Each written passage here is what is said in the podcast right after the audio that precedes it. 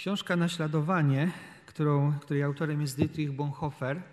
Mam polskie tłumaczenie tej książki teraz przy sobie. Została wydana według, według publikatorów, według wydawnictwa w 1937 roku. E, wtedy e, Bonhoeffer miał 33 lata. Sześć lat później, w 1945 roku, nie żył już.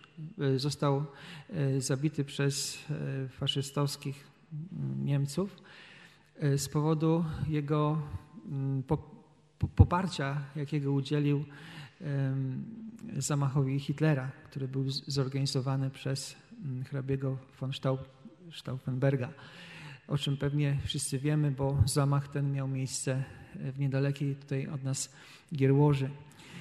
I koszt uczniostwa, czy naśladowanie, tak czasami koszt uczniostwa, czasami się tak tłumaczy tytuł tego, tej jego książki, y, jest bardzo, bardzo znany z takiego określenia, które się tutaj znajduje, określenia, które brzmi tania łaska.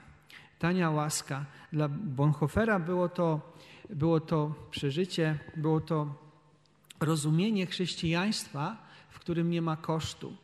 Y, chrześcijaństwa, które głosi zbawienie, głosi od, y, odpuszczenie grzechów ludziom, którzy nie pokutują, którzy, y, którzy nie rozumieją nawet swojego grzechu.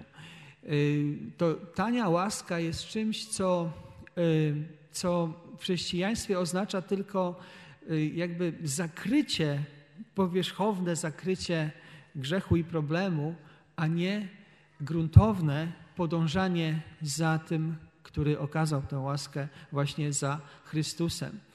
Y, tutaj to naśladowanie jest y, w tej jego książce jest naprawdę potężnym wezwaniem do, y, do świata chrześcijan, wezwaniem, które polega na tym, żeby poważnie wziąć słowa Jezusa do siebie, poważnie wziąć to, co on mówi o tym, kiedy, kiedy właśnie spotyka się ze swoimi uczniami i mówi im, co jest najważniejsze. Mówi również o tym, co jego samego spotka.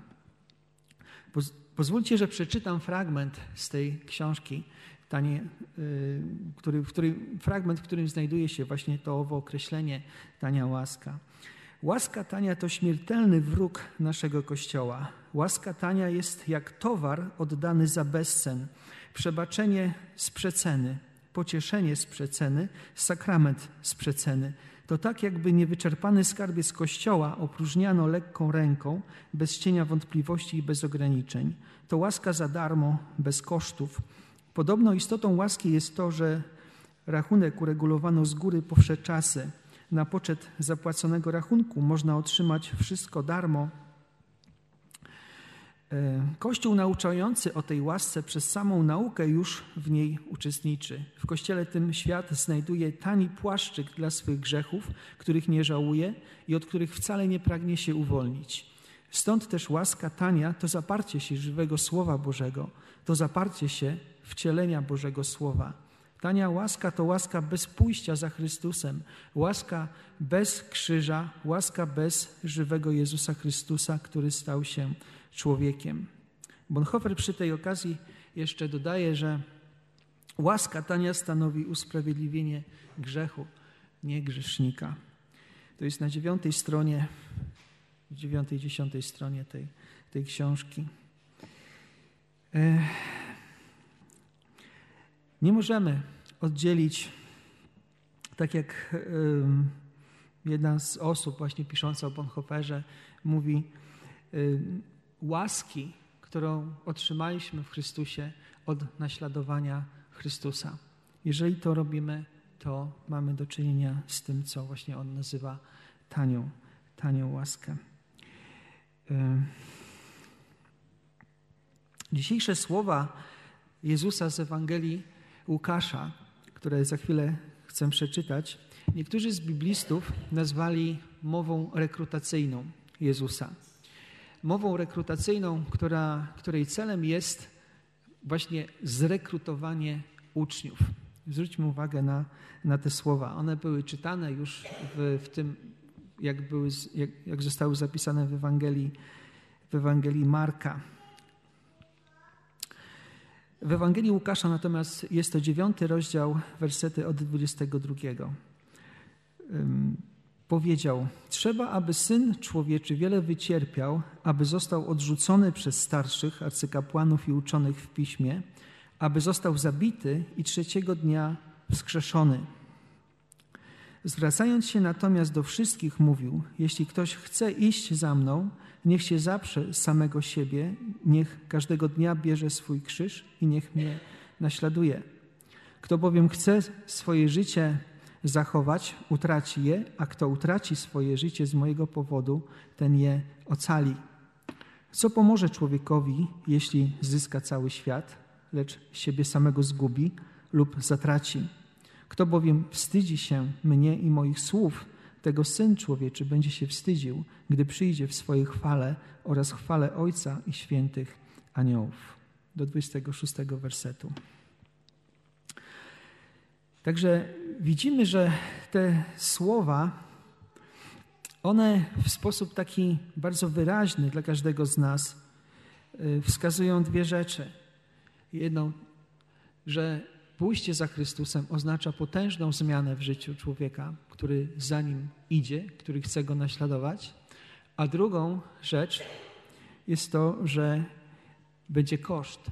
Będzie koszt pójścia za Chrystusem. Będzie koszt naśladowania Go. Będzie koszt, który będzie kosztem niechcianym. Pierwsi usłyszeli to uczniowie i nie zrozumieli tego do końca, nie pojęli tego e, też, co znaczy, że On sam, Jezus, mówi do nich, że musi być odrzucony, że musi wiele wycierpieć, że trzeba, aby to się wykonało, musi być zabity i trzeciego dnia wskrzeszony z martwych. Chciałbym zwrócić uwagę naszą teraz na, ten, na to słowo trzeba.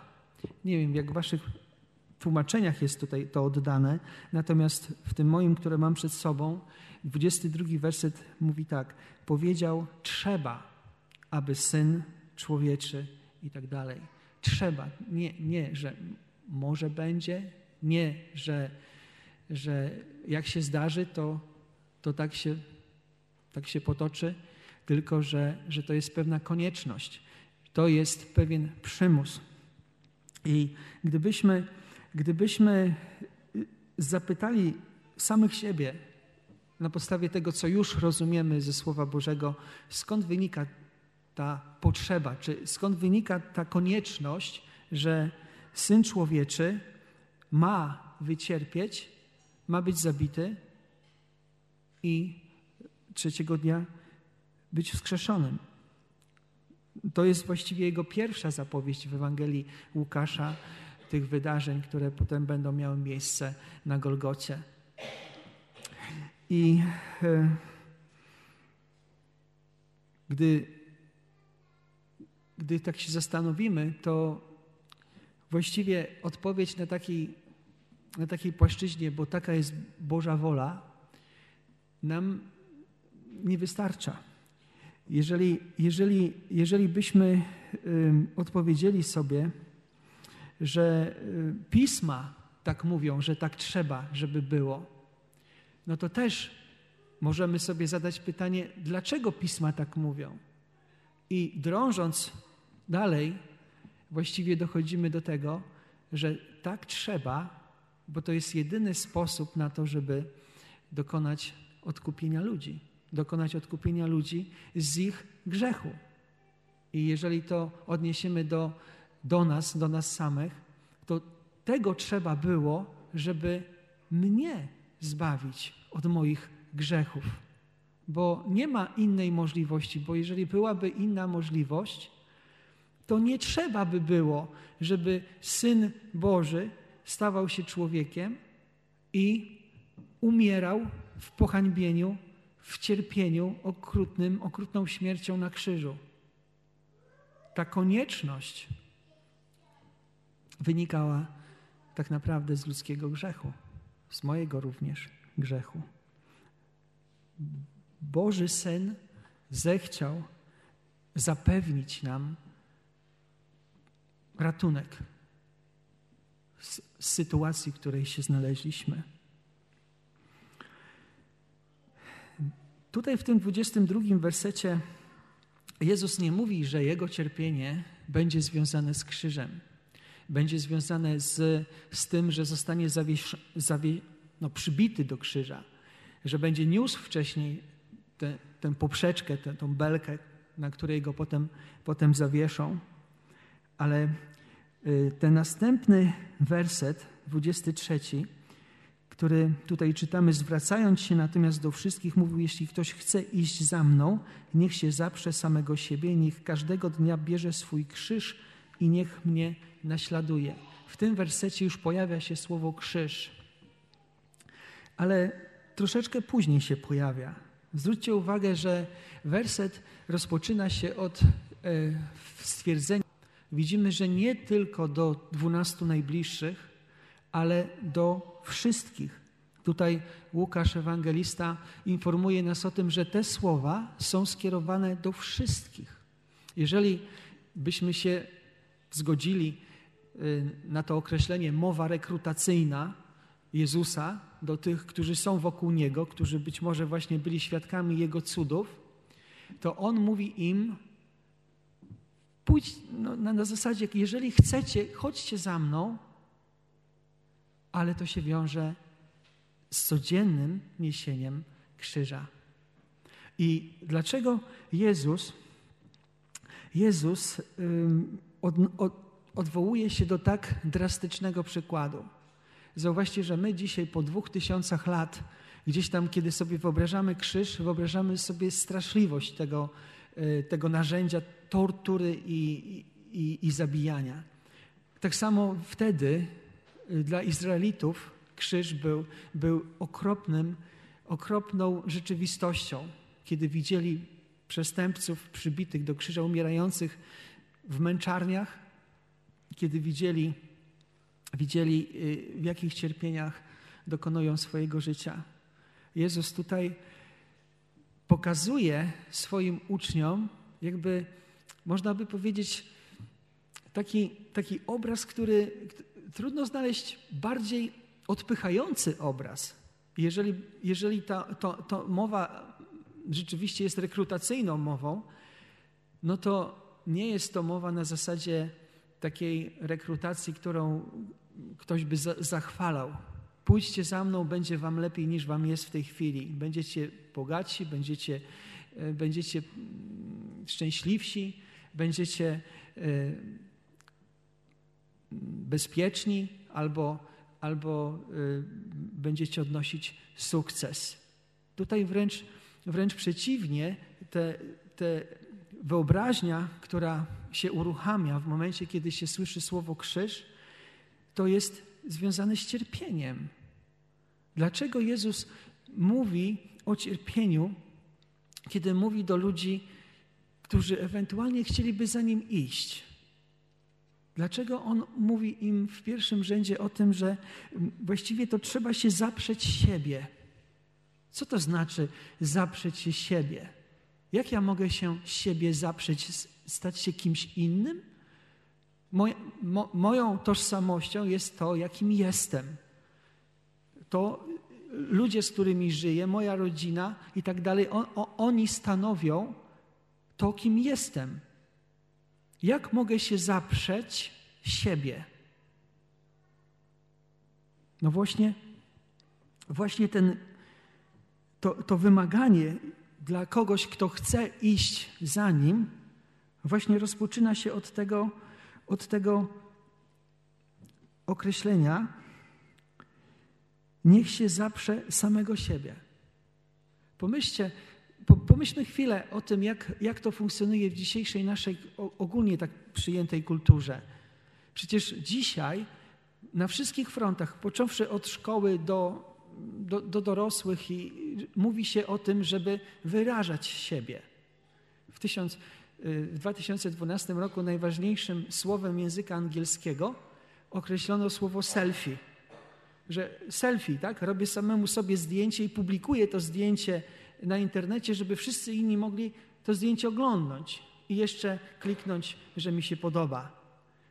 To, to jest coś takiego, że y, w reklamach dzisiaj nie tylko nie wzywa się do tego, żeby wyprzeć się samego siebie, ale wzywa się do tego, żeby wyrazić siebie, spełnić swoje pasje, być sobą, że mi się pewne rzeczy należą, czy zasługuje na coś. To jest gdzieś tam tego rodzaju przesłanie, które dociera do nas ze środków masowego przekazu.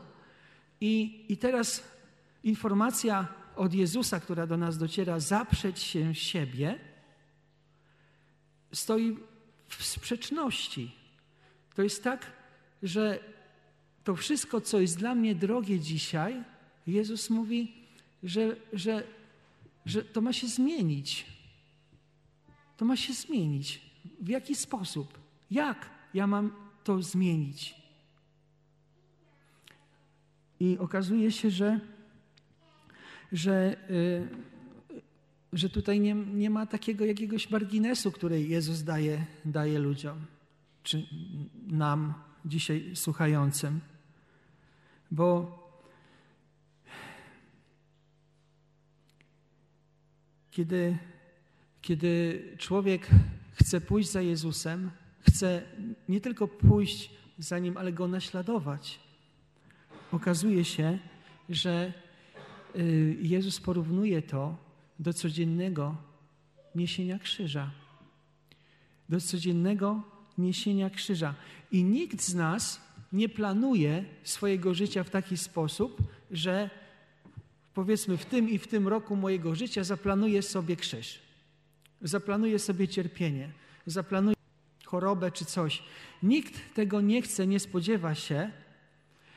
I kiedy Jezus mówi, że pójście za Nim oznacza gdzieś tam świadomy, świadomą decyzję zaparcia się siebie, a potem świadomą decyzję wzięcia krzyża na siebie i niesienia tego krzyża, to On wymaga od nas,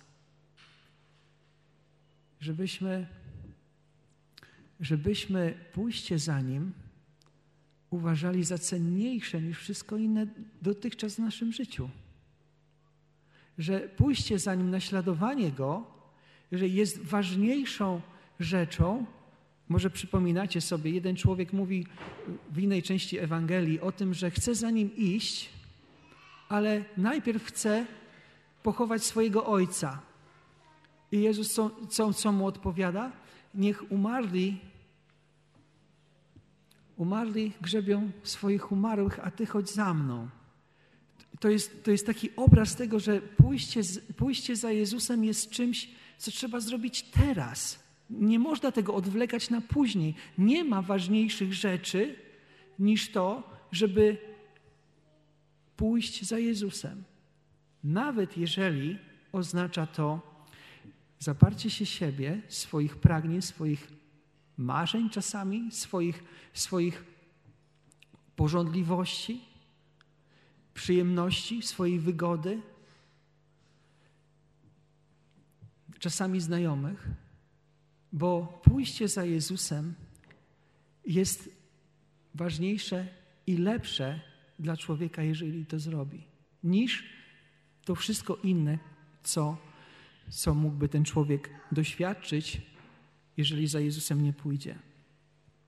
Ciekawe jest, że apostoł Paweł w swoim liście do Tymoteusza, jak pamiętamy, to był ostatni list, w drugim liście do Tymoteusza, trzecim rozdziale, dwunastym wersecie, właśnie w ostatnim swoim liście, który napisał, e, powiedział tak, że i wszyscy też, którzy zechcą żyć pobożnie w Chrystusie Jezusie, będą prześladowani. Jeżeli to ma być mowa rekrutacyjna, no to to nie zachęca, prawda? Nie zachęca do tego, żeby iść za Jezusem i nieść krzyż, żeby być prześladowanym, żeby żeby to wszystko znosić, no bo człowiek myśli sobie, dlaczego? Dlaczego, dlaczego mam mnie to czekać? Przecież ja chcę żyć spokojnym życiem, szczęśliwym życiem, nie chcę nikomu przeszkadzać i najlepiej jak potrafię być życzliwym wobec ludzi, ale to, co Jezus mówi, okazuje się, że, że tego rodzaju wyobrażenie o tym, jak będzie wyglądało moje pójście za Jezusem, może się mijać z prawdą. To codzienne zmaganie, y, gdybyśmy zapytali o źródło, skąd są te problemy, skąd się bierze to codzienne zmaganie człowieka, który chce naśladować Chrystusa. Popatrzmy na to w takiej perspektywie, że to, co Jezus zrobił przez całe życie i czego dał świadectwo, to było to, że był posłuszny Bogu i wypełniał Bożą wolę.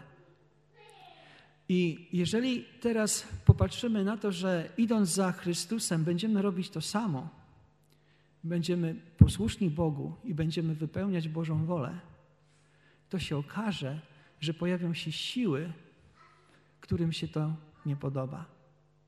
Po pierwsze, pojawią się, się takie siły w naszych własnych sercach, w naszych własnych pragnieniach. Pojawią się myśli, pragnienia, porządliwości, które będą mówiły: To jest fajne, to jest przyjemne, to jest czymś takim, za czym warto pójść.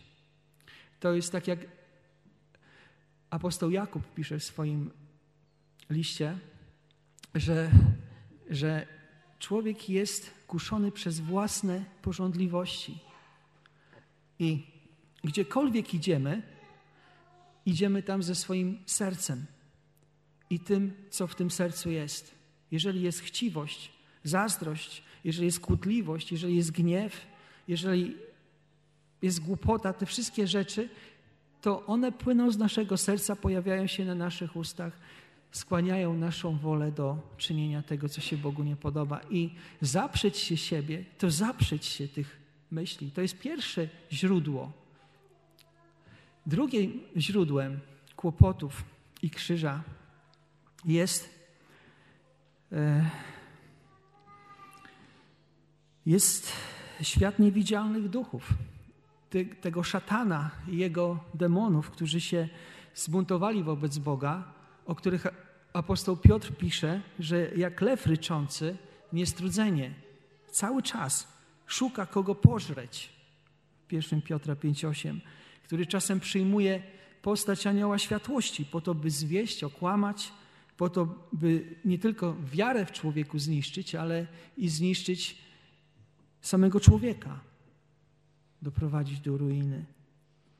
To jest zmaganie się z tymi zwierzchnościami, mocami, które są w okręgach niebieskich, o których czytamy to w liście do Efezjan w szóstym rozdziale. Też mamy tarczę wiary, mamy pancerz sprawiedliwości, inne rzeczy tam wymienione, które mają nas chronić od, od Niego. No i mamy trzecie źródło. To, jest, to są ludzie, inni ludzie, z których nikt nie jest bez winy. Każdy z nas jest grzesznikiem i żyjemy wśród ludzi, którzy są grzesznikami. Popatrzcie na to w taki sposób, że grzech nie jest rzeczą osobistą. Grzech jednego człowieka wpływa na innych ludzi. Najbardziej wpływa na najbliższych. Obojętnie, czy ktoś dokona aborcji, czy ktoś okłamie, czy ktoś oszuka, czy cokolwiek zrobi, to nie jest osobista sprawa. Jeżeli zazdrość jednego człowieka jest w jego sercu, to ta zazdrość dotyka drugą osobę, która jest niedaleko tego człowieka, która chciałaby mieć tyle, co ma ten drugi człowiek, która chciałaby być w jego miejscu, która chciałaby mieć te pieniądze, które ma ten drugi i, i cokolwiek. To grzech ludzi dotyka tych, którzy są najbliżej. Złe wybory, złe decyzje niosą konkretne konsekwencje i możemy się dziwić, że spotyka nas krzywda z powodu grzechu czy złego postępowania innych ludzi, ale de facto, gdy jeśli czytamy Biblię, nie powinniśmy się temu dziwić. Żyjemy wśród grzesznych ludzi i grzech jest tym, konsekwencje tego grzechu, co, z, czym, z czym będziemy się zmagać.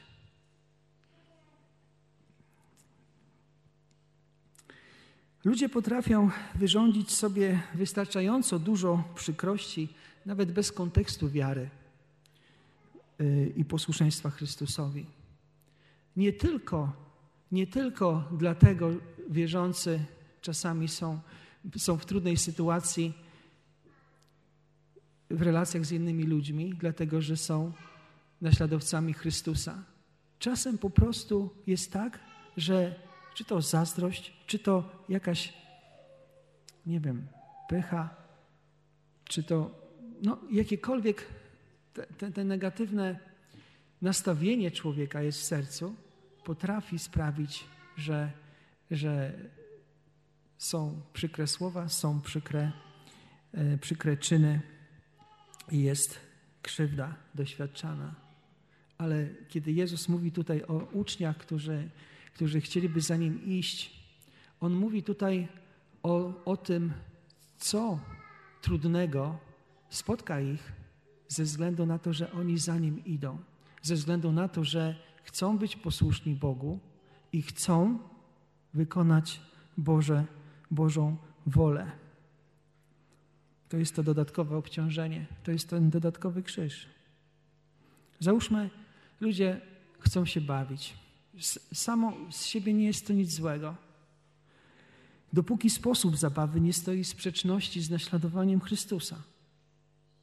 I teraz, jeżeli ktoś uczestniczy w tej zabawie i ta zabawa zbliża się do tej granicy, musi podjąć decyzję, czy pójdzie na kompromis i zrobi to, do czego ta zabawa gdzieś tam prowadzi, czy, czy powie nie, nie będę w tym uczestniczył i narazi się na jakieś szyderstwo, odrzucenie ze strony tych, którzy tę zabawę organizują.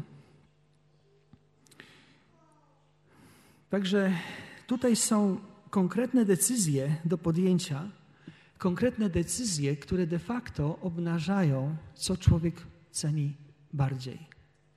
I zauważcie, że ten krzyż, o którym Jezus mówi, że trzeba go codziennie brać, to jest krzyż. Ja zawsze, może się mylę, ale łączyłem to z decyzjami, które codziennie trzeba podejmować. Z decyzjami, które, y, które gdzieś tam obrazują wartości, którymi się kieruję. I albo te moje wartości odzwierciedlają to, że Chrystus jest dla mnie ważniejszy, albo te moje wartości, którymi się kieruję i decyzje z nimi związane, są jakimś rodzajem kompromisu, są jakiegoś rodzaju pójściem na, na łatwiznę i chęcią uniknięcia komplikacji, chęcią uniknięcia tego krzyża. Co wybierze ktoś, właśnie wynika z tego, jak ceni sobie Chrystusa. Czy Chrystus jest ważniejszy? I to jest ciekawe, że w tej przemowie, którą Jezus kieruje do wszystkich, Jezus domaga się od wszystkich, żeby cenili Go najbardziej. Ciekawe, jeżeli każdy inny człowiek by to zrobił, to, by, to byśmy powiedzieli, no przecież on jest jakiś szalony. Ale Jezus ma do tego prawo.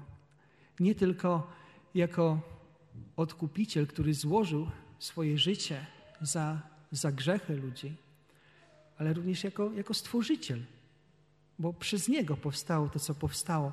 On ma prawo domagać się od swojego stworzenia całkowitego oddania.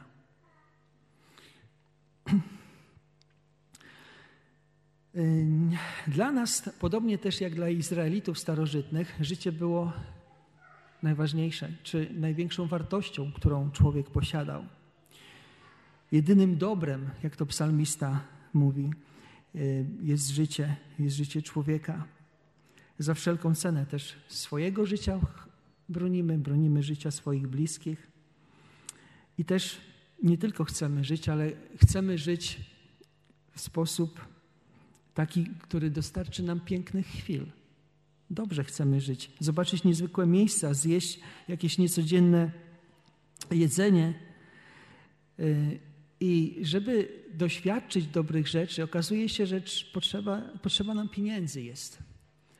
Że to dzięki pieniądzom jesteśmy w stanie doświadczyć tego, co najpiękniejsze ma świat do zaoferowania. A żeby zyskać pieniądze, to nie trzeba tłumaczyć, że przed mało czym ludzie się cofną. Innymi słowy, człowiek jest w stanie zrobić wszystko, żeby mieć trochę więcej pieniędzy. Dla jakichś. Jak się poczyta nawet kroniki kryminalne, to, to, to, to strach jest y, czytać, kiedy, kiedy z powodu jakichś takich drobnych pieniędzy potrafią pobić człowieka do nieprzytomności. Prawda? I to, to, to jest straszne. Ale, ale y, kiedy ten, ten, ten obraz tutaj dalej się rozwija, kiedy Jezus mówi, że można zyskać cały świat. Tak? Czy, czy tutaj, tutaj jest w 24 wersecie, kto bowiem chce swoje życie zachować, utraci je, a kto utraci swoje życie z mojego powodu, ten je ocali. Co pomoże człowiekowi, jeśli zyska cały świat, lecz siebie zgubi lub zatraci? To, to jest to obraz, obraz, który y, y, pochodzi tutaj z takiego świata kupców, którzy inwestują pewne swoje zasoby po to, żeby mieć z tej inwestycji zysk. Może w, tej, w, w, tym tłumaczeniu to nie tak wyraźnie brzmi, ale niektóre, niektóre tłumaczenia oddają to, jaki zysk ma człowiek z tego, jeżeli cały świat pozyska, a szkodę poniesie na swojej duszy. I popatrzcie, jeżeli popatrzymy na to, że naszym jedynym dobrem, które możemy zainwestować, jest nasze życie, to jak zainwestować to dobro, żeby w ostatecznym rachunku nie stracić? Człowiek może zainwestować swoje życie w pozyskiwanie świata, w, w zdobycie tego, co, co ten świat ma do zaoferowania najlepszego. I w procesie zatracić swoją duszę. Ja sobie tak wyobrażałem, na przykład, jeżeli miałbym wybudować dom, a w procesie stracić zdrowie i mieć do końca życia ból kręgosłupa, to czy to jest warte? Oczywiście ja tutaj nie mówię, że, że, że każdy, kto buduje dom, zaraz będzie miał ból kręgosłupa. Budujcie domy, kto może, niech buduje. Ale jeżeli, jeżeli się tak zastanowić, to, to, to jest tak, że, że ten zysk w postaci tego domu nie jest warty tego bólu. I teraz, jeżeli, jeżeli miałbym wybrać, wolałbym nie mieć domu, ale mieć, nie mieć tego bólu też. I jeżeli, jeżeli teraz patrzymy na to, że kto bowiem chce swoje życie zachować, utraci, jak to je utraci z mojego powodu, ten je ocali, co pomoże człowiekowi, jeśli zyska cały świat, lecz siebie zgubi lub zatraci? To warto się tutaj zastanowić na tym, żeby to życie, to jedyne dobro, które się ma, zainwestować w taki sposób, żeby nie stracić żeby przyniosło to zysk, żeby, żeby przyniosło to zysk na wieki. Tutaj ten werset, kto bowiem chce swoje życie zachować, utraci je, a kto utraci swoje życie z mojego powodu, ten je ocali. Pamiętam, jak kiedyś pierwszy raz przeczytałem y, historię Jima Eliota, który, y, może pamiętacie, on, on był misjonarzem, taki młody człowiek, 20 parę, parę lat, y, skończył seminarium i razem z kolegami postanowili y, polecieć do Amazonii i e, pójść do plebion, które, e, które nigdy jeszcze Ewangelii nie słyszały. I pierwszy dzień, pierwszy dzień ich lotu, ich samolot ląduje na rzece, oni wychodzą z tego, z tego, z tego dwupłatowca, wychodzą na brzeg, chwilę na tym brzegu są przychodzą Indianie, wiecie ci y, no, w Amazonii żyjący Indianie, którzy strzelają zatrutymi strzałkami. I ci trzej młodzi ludzie są ukłuci tymi, zaku... strzelili do nich z tych strzałek zatrutych i we, i we trzech umarli. I tak się skończyła ich misja. Do, do, do ludów, które nie słyszeli Ewangelii. I kiedy, kiedy patrzymy, zobaczcie, stracili swoje życie ze względu na Chrystusa. Y, on też powiedział takie zdanie, że nie jest głupcem ktoś, kto, kto oddaje coś, czego nie może zatrzymać, żeby zyskać coś, czego nie może utracić. Oddał swoje życie, którego nie mógł zatrzymać, bo i tak musiał umrzeć. Zyskał coś, czego nie może stracić życie wieczne w Bożej obecności.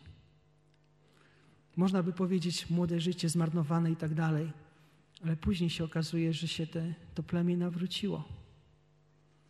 Że to plemię się nawróciło. Nawróciło się e, i, i poznało Chrystusa.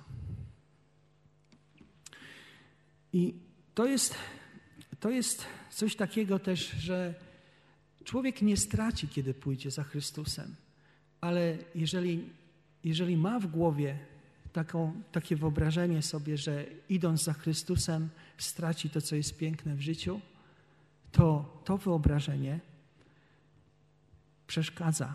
To wyobrażenie staje mu na drodze do tego, żeby za Chrystusem pójść, bo ma wtedy poczucie, że, że e, w jakiś sposób może zmarnuje życie.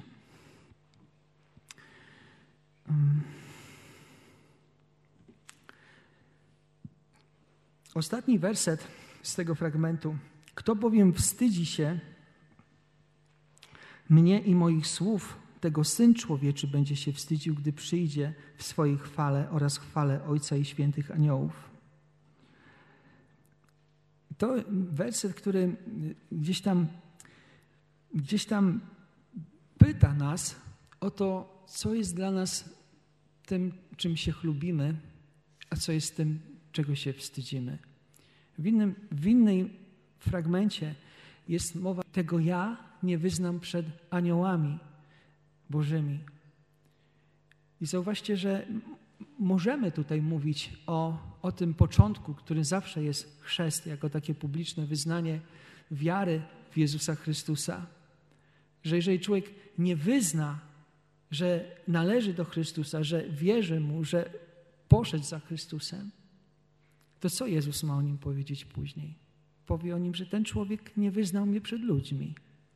Ale też możemy powiedzieć, że, że tak codziennie żyjąc, nasze właśnie wybory i decyzje dają świadectwo tego, czy my się Chrystusa wstydzimy, czy, czy się Nim chlubimy, czy się Nim cieszymy. Jeszcze raz można by powiedzieć, że że ta mowa rekrutacyjna to jest mowa, która jest takim zimnym kubłem zimnej wody na każdego, kto, y, kto chce iść za Chrystusem. Dlatego, że to nie jest łatwe, to nie jest, to nie jest błaha rzecz, tylko rzecz, która, od której zależy wieczność albo w Bożej obecności, albo wieczność tam, gdzie Boga nie ma, bez Boga. Jezus domaga się, aby być dla człowieka najważniejszym i ma do tego prawo. Jeśli zaś jesteśmy uczniami, pamiętajmy, że zostaliśmy nabyci za cenę Jego krwi, że przebaczono nam grzechy nie za darmo i że ta łaska, którą otrzymaliśmy, nie jest tanią łaską, darmową łaską, tylko jej ceną była śmierć, cierpienie Syna Bożego. Z tego fragmentu też wynika coś takiego, że Jezus, mimo tego, że mówi o tym cierpieniu, o tym krzyżu codziennym, y, to jednak uważa, że warto za nim iść. Warto za nim iść. I myślę, że nikt, kto podjął taką decyzję, idzie za nim, nie, nie żałuje tego. Nie żałuje tego z każdym dniem coraz wyraźniej i lepiej widząc, że dobrze zrobił. Zachęcam do modlitwy.